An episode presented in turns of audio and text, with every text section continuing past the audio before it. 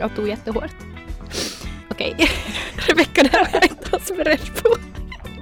Allt från då vaccinfrågan till att också hur man liksom tacklar att träffas man, träffas man inte, när, var går gräns, alltså alla sådana saker. Mm. Jag undrar om jag någon gång kommer att tycka att det är kul till vara iväg på utflykt igen.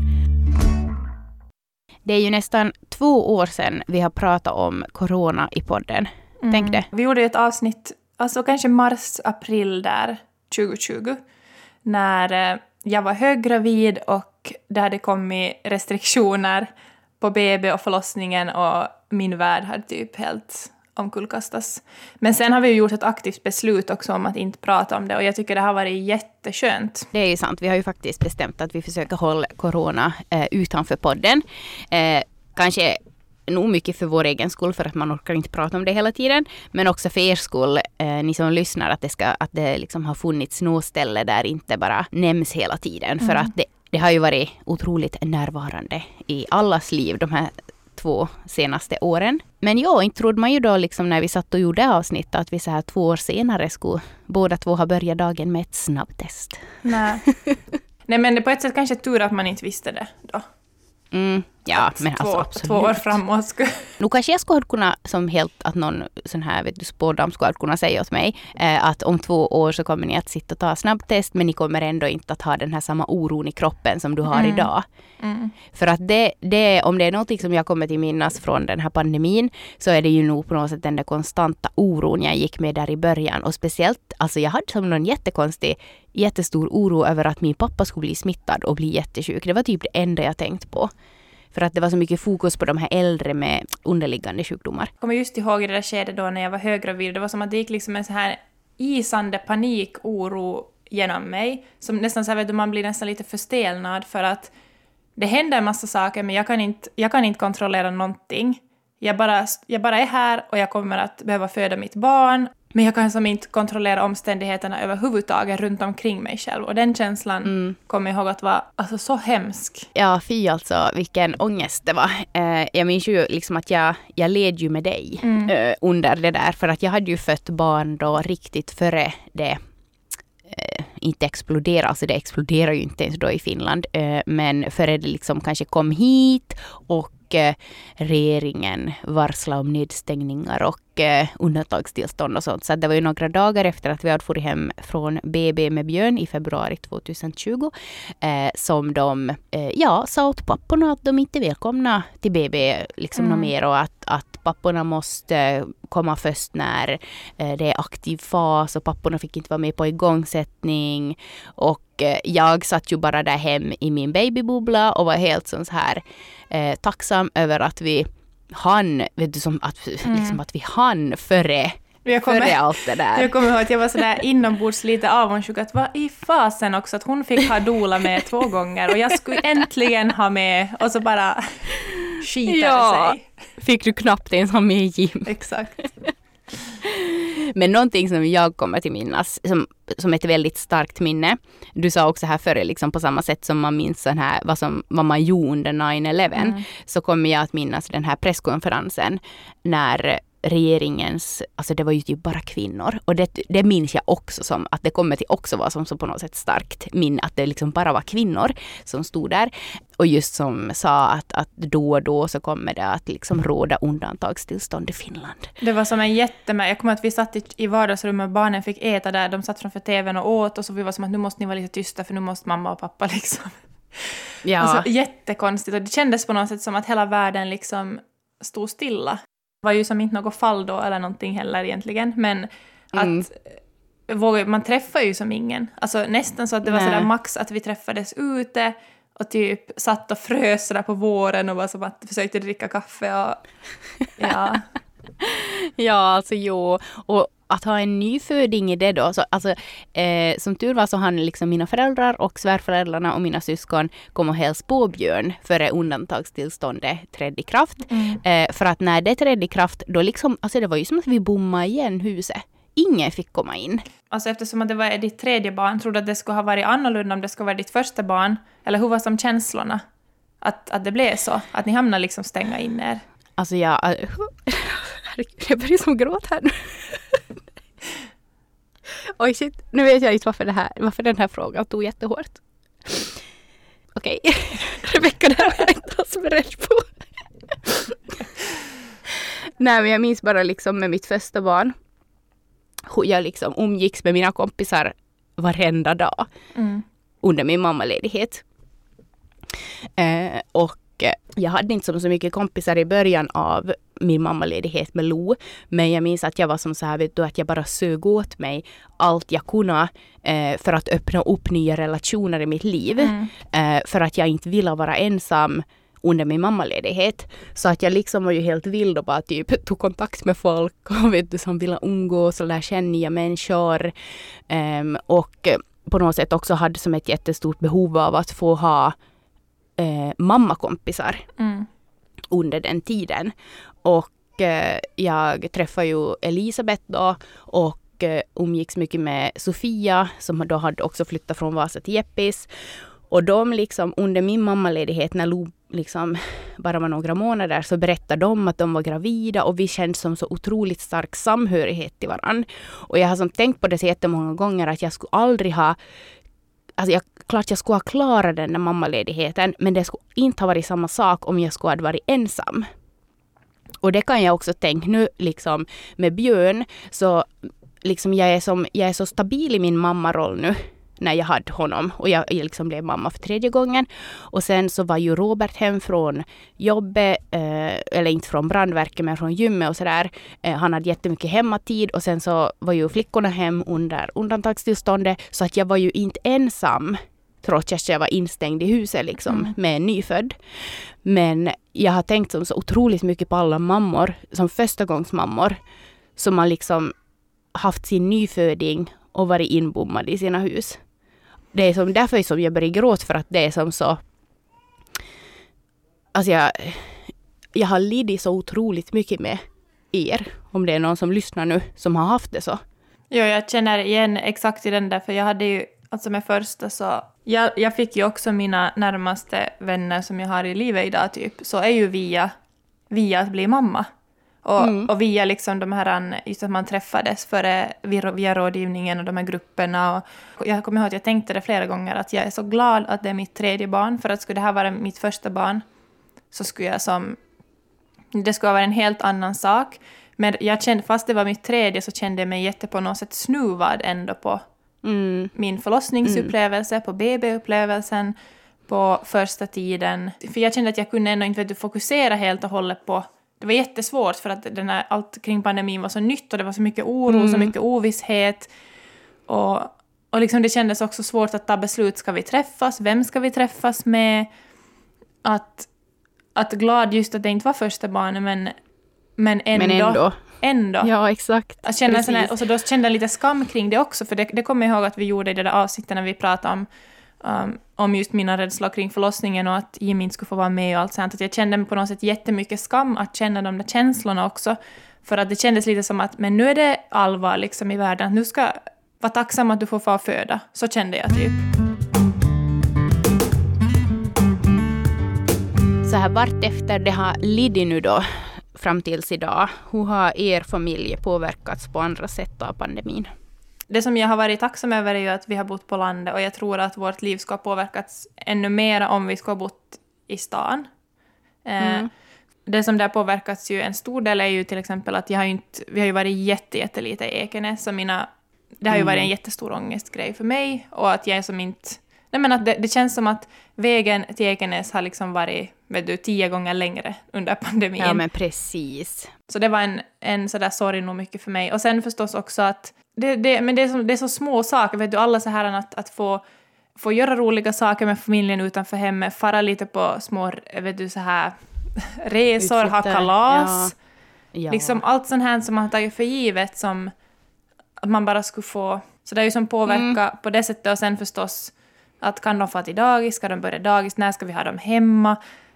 Sådana här vardagsgrejer. Men Ja, så mest sådana liksom vardags små saker som egentligen är jättestora men som kanske utåt sett ja, men ser man tog, ut. Ja men precis, man tog det liksom för givet för men nu har man på något sätt ändå insett hur otroligt mycket det betyder mm. att få göra de där vanliga sakerna. Och sen såklart har det ju påverkats också jobbmässigt jättemycket och det tycker jag också är mm. någonting som jag tror vi kommer att få oavsett vad man har jobbat med. Att har man, jag är ju egenföretagare men det, kan jag nog, det har ju nog varit jätte, jättejobbigt. Alltså periodvis, speciellt där när, när allt stängde ner och jag tror det är någonting vi kommer att få leva med jättelänge. Alltså följderna av det ekonomiska. Alltså jag satt och tänkte på det, typ var det nu helgen eller någonting så satt jag och tänkte bara som att, att okej, okay, vi har varit i skogen. Ja, vi har varit i lekparker. Men vi har liksom inte varit liksom på något utflykter inomhus någonstans på typ två år. Och att, att jag också tänkt så här att, att jo, vi faktiskt sånt förr. Mm. Liksom att det känns som jättefrämmande för mig nu att man ska typ packa barnen i bilen och liksom få iväg någonstans och typ kunna tycka att det är kul. För att jag tänker att om jag, liksom, om jag skulle tvinga iväg oss nu på någon utflykt då eh, av någon orsak, så skulle jag ändå inte kunna liksom njuta och tycka att det är jättekul. Eller som så här, åh vad givande för vår familj. För jag skulle ändå bara hålla på till tänk vet du, på att har de tvättat händerna, lägger de fingrarna i munnen, eh, kan vi gå in här? Nej, att var är munskydden? Nej, att oj herregud, det är lika bra att vi bara stannar hem för jag vill inte få ångest liksom kvällen före att någon kommer att vaken och vara sjuk och så måste vi avboka allting. Ah, det känns bara som jättejobbigt. Mm. jag undrar om jag någon gång kommer att tycka att det är kul att få iväg på utflykt igen. Men hur, känns, men hur känns det att det känns sådär då? No, men det känns inte något kul, för det känns typ som att man är lite som på något sätt hemmablind. Eller vad kallas det? Nej men som sådär att, att vi på något sätt har växt fast i huset. Mm. jag vet inte riktigt. Uh, ja, och liksom att ordna vet du, kompiskalas igen och och det har jag, det har jag också som... tänkt på, just att det inte, det har inte liksom ordnats, eller att man ofta fått boka om och, och att eller jag tänkte för att Alma har varit bjudna på några liksom just kompiskalas och det har just blivit mm. inhiberat mm. på grund av... Eh, och så tänkte jag som att okej, okay, att egentligen så inte är det så stor sak, men sen när man egentligen börjar fundera liksom ännu djupare så alla sådana här små saker har ju ändå ett syfte för dem, att de ska liksom eh, lära sig att fara första gången ensam hemifrån, att de ska som stå på lite egna ben och som vet du, i sociala situationer. Alltså allt har ju ändå som, för mig har ju ändå sådana saker liksom under min uppväxt haft ett syfte. Så jag tänker att det är ju viktiga små saker, men i det stora hela så ser det ju ut som pyttesmå saker. Mm. Men mm. det här liksom med att se, se vad heter det, gammelfammo, gammelmommo, mommo och muffa, liksom att se familj och släkt och få en relation till flera vuxna. Ja. Så det tror jag mm. att det är jätteviktigt och det har på något sätt fallit bort för jättemånga. Mm. Ja, men, ja, vi frågar ju också av er att eh, om relationer har påverkats indirekt eller direkt på grund av pandemin. Och eh, ni är jättemånga som har skrivit in liksom om relationer som helt har avslutats och relationer som har bara liksom förändrats som till det sämre och sen också relationer som har blivit bättre. Eh, en av er skriver så här. Nästan alla mina relationer har förändrats eftersom att det sociala livet har varit så nerbantat. Har, de har inte förändrats på grund av olika åsikter eller konflikter. Bara det att vi inte har haft möjlighet att ses. Före pandemin var det ju mer som att det var också, fanns mera tillfällen att vet du, kravlöst, utan massa planering kanske ja, men träffas spontant. spontant. Ja. Men nu är det ju mm. som att det kräver jättemycket planering och sen att det helt enkelt bara, också för att man har flera barn och det är alltid någon som är lite snuvig, så man hamnar alltid typ mm. avboka. Så mm. då kräver det också mer kanske att upprätthålla en djup relation online, eller via telefon, via röstmeddelanden och sådär. Mm. Och ibland orkar man inte bara, och det betyder inte, jag tycker det som har varit så svårt, att det betyder inte att jag, jag saknar många av mina vänner jättemycket, men omständigheterna runt omkring har varit jättesom, ah, jag vet inte. Ja, men typ omöjliga. För att vissa kompisar, så, vissa kompisar så kan jag hålla på till skicka röstmeddelanden med och det är liksom vår jargong. Men mm. sen med andra så är det som bara det att, att vi har alltid träffats live. Vi håller mm. inte på liksom typ till chatt och så här. På grund av det så är det nog liksom, alltså vissa relationer som har blivit som typ svalare nog för mm. mig. Men jag vet inte riktigt, de, de kompisarna som jag på något sätt ändå har i mitt liv, så de jag vet inte, jag har som kanske inte som, som jättemycket sådana här ytligt bekanta som jag är jätteledsen över att liksom ha eh, typ fallit bort. Utan det är mer eh, att jag har liksom mina stabila vänner så att mm. säga. Och de vet jag att ändå alltid finns kvar på något sätt. Och sen tycker jag att det har varit jätteviktigt nu under pandemin att liksom vara ärliga med varann ärliga med liksom vad man känner. Som sådär att jag liksom, ring åt varandra och var som såhär att jag är jätteledsen att vi inte har setts på länge och att typ att jag är orolig att vår vänskap kommer mm. att rinna ut i sanden. Och liksom bara att prata om det visar ju också vartåt vänskapen är på väg under samtalets gång.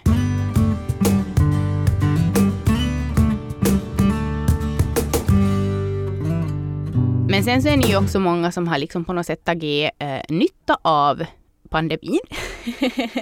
för mm. att liksom typ bli av med folk som ni eh, kanske egentligen inte Alltså liksom så här att man umgås kanske med folk ibland bara för att det hör till eller för att man hör till samma gäng.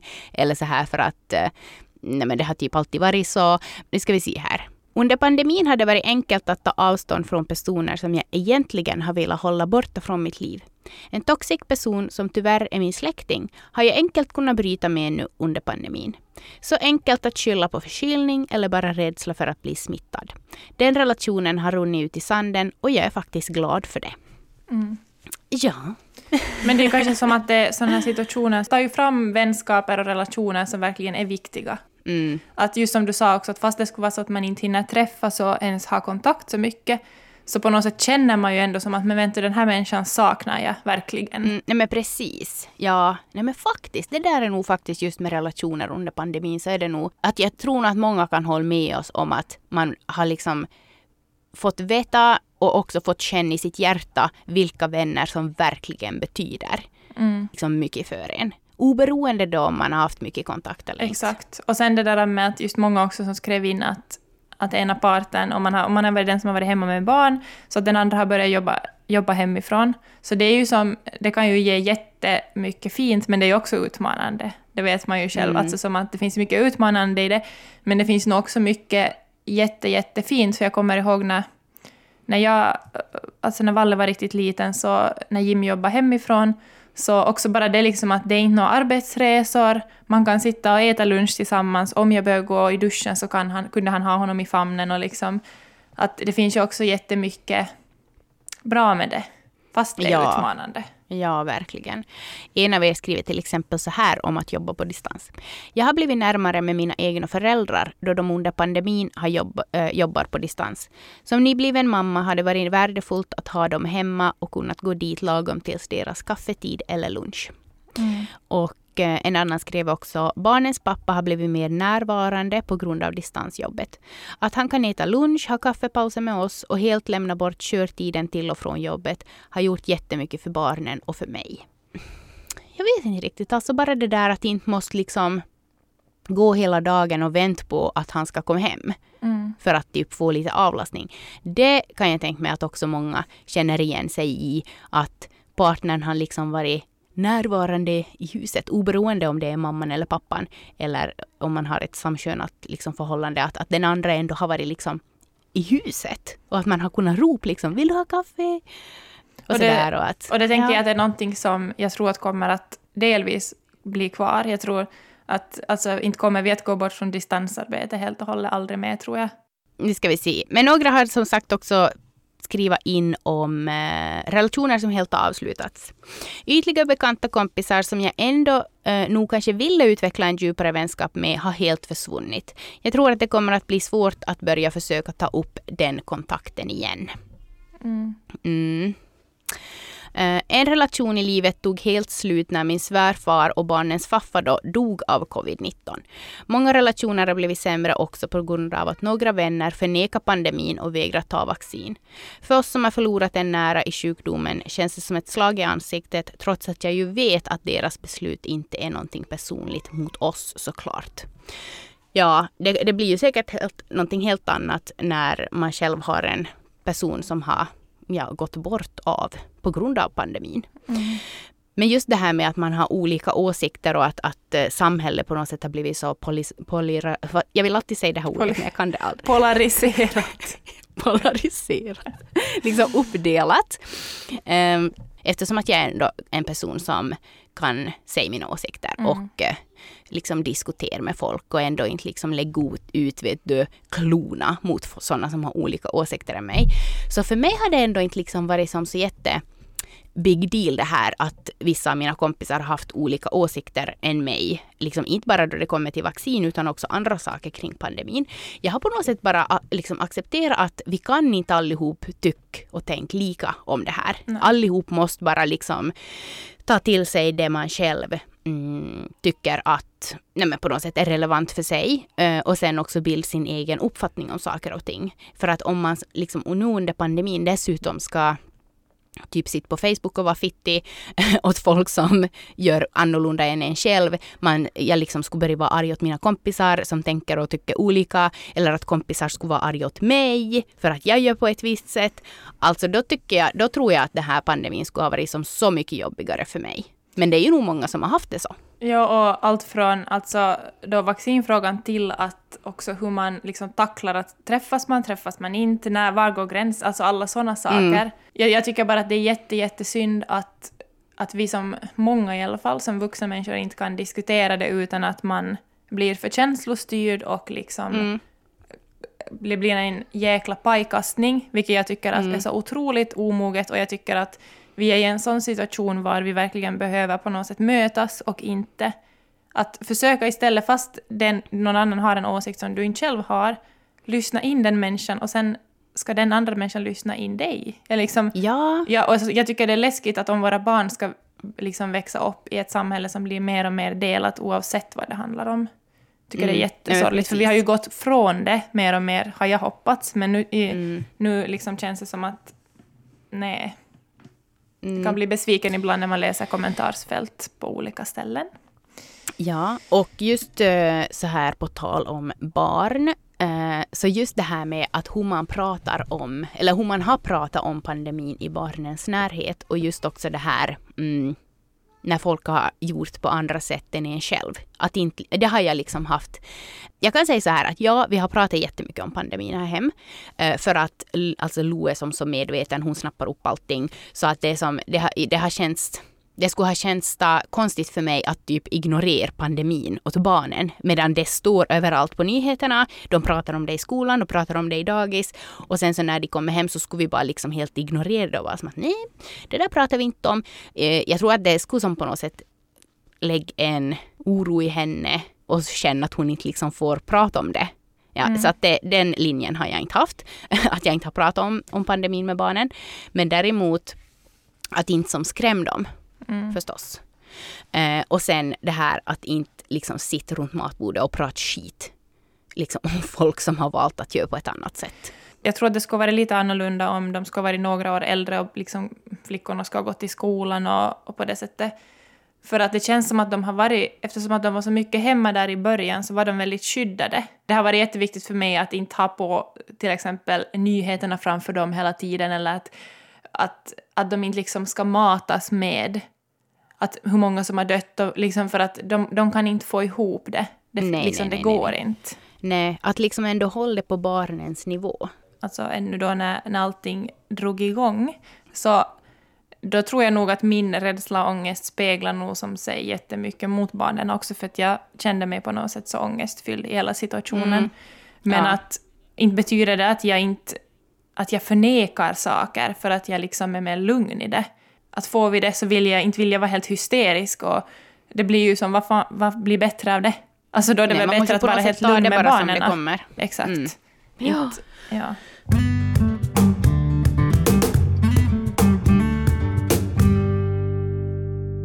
Men om, om vi ska ta någonting positivt, jag tycker att man måste ta positivt ur allt som också är, är jobbigt. Så vad tar du med dig från de här två senaste åren som du inte liksom, som du bär med dig fast sen saker och ting blir hoppeligen mera som vanligt? Nej men nog kanske att vi under de här två senaste åren har eh, murat upp en mer stabil grund som familj. Liksom på så vis att, att jag har insett att det behövs liksom inte så mycket extra för att vi ska ha roligt i varandras sällskap. Att det mm. krävs inte liksom att vi far iväg någonstans. Det krävs inte att vi liksom ordnar någonting här hem för att vi ska kunna typ ha kul. Um, jag kommer nog absolut att ta med, ta med mig det att uh, ta vara på små saker i vardagen.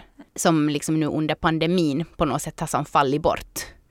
Så att ta vara på små saker och sen också ta vara på små stunder eh, som är helt sån här, liksom bara som att sitta och vet du, ha kaffepaus med barnen och spela ett spel. Det har liksom nu under pandemin kunnat, kunnat vara liksom en höjdpunkt under deras dag. Medan förr så var det bara någonting som vi gjorde så där i förbifarten. Eh, så det och sen absolut nog det här med relationerna, liksom att, att eh, vilka vilka vänner kommer man ännu att ha kvar nära hjärtat när vi går ur den här pandemin? Eh, men sen också att vara öppen för att våga släppa in nya människor i livet trots att man har gått igenom det här stora traumat av att inte få träffa folk. Mm. Du då? En sak som som jag absolut inte vill gå tillbaka till så är att ha kalendern fullbokad. Före undantagstillstånden 2020 så var det alltid liksom som att våra veckoslut var bokade. Jag jobbade jättemycket på veckoslut, på kvällar. Det var liksom bokat flera veckor framåt alltid. Och kanske, mm. Det var ju roliga saker ofta, men det var ändå på något sätt, med barn var det ändå hela tiden liksom en sån att det, nej men det var ett schema hela tiden. Eh, mm. Uh, och jag kommer ihåg hur jobbigt det var när allt sånt avbokades och det var som skitångestfyllt. Att som, nej, att bara panik. Men sen tycker jag nu att det är som så mycket skönare mm. att inte ha flera månader planerat programmet.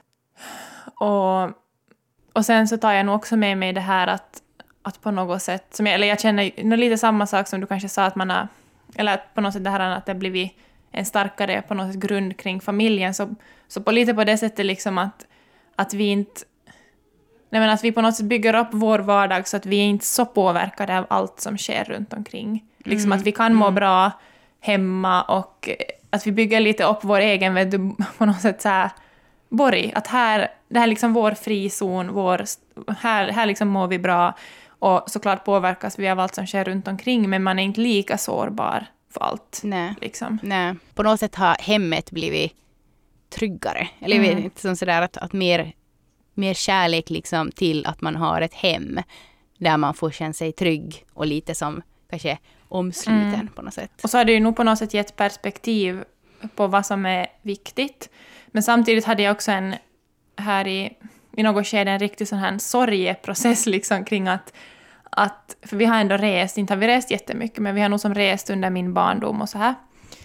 Uh, och jag tyckte att det var jättevärdefullt för, mm. för vem jag har blivit. Och jag fick en sån här ganska som djup sorg kring att jag inte vet hur, att mina barn kanske inte kommer att...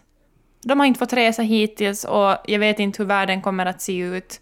Kommer de att, kommer vi ens att resa liksom längre än till mm. Ekenäs på många år? liksom att... Uh, ja. Och det känns mm. som att, nej men alltså jag skulle inte ens orka åta mig den uppgiften att vara någonstans med dem. och, men det var som en, en ganska sådär sorg för mig att att jaha, liksom världen är inte vad den var när jag var liten. Nej, men det, det var ju 30 år sedan det, mm. 20. Men det var, det var en sån här, ett sån här, insåg att så här är det. Eh, häromkvällen så sa Gry mitt i allt att, att mamma, att eh, före jag dör så vill jag ha sett världen. Och jag bara såg på Robert och bara okej. Okay. Men mamma så sa hon då liksom, och jag var som att jaha, när, när jag tänkte börja med det då? Hon bara, eh, då corona är slut och man får börja resa igen så då ska vi börja upptäcka världen. Att vi kan ju börja med att få till Kokkola.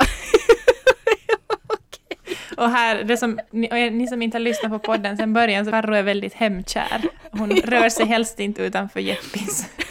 så jag blev så här, nej, att vart vill hon? Vill hon till Asien? Ja. Men okej, hon vill först till Kokkola. så det är ju bra. ja, vi får hoppas att inte vi sitter här nu igen om två år och pratar mm. om. Och jag, och jag hoppas att ni också lyssnarna har på något sätt uppskattat att ha det här, som vi har uppskattat, att ha det här en frizon var vi inte har pratat så mycket corona. För att mm. jag tycker, och det, så ska vi fortsätta också, men vi kände att vi måste också göra ett litet avstamp i, nej men som en liten tidskapsel, att 2020, läget var som det var, nu är det 2022. Finns Befinner liksom, vi oss hur, nu? Hur, hur är mm. läget just nu? Alltså, vad, vad funderar vi på? Så nästa vecka är vi tillbaks med någonting helt icke-corona-relaterat. Hoppas att ni har det jättebra tills dess. Ni hittar ju oss förstås på Instagram, föräldrasnack och sen så kan ni mejla oss på föräldrasnack.yle.fi om ni vill få kontakt med oss helt enkelt. ja, ja. Hörni, ha det så bra så hörs vi. Hej då!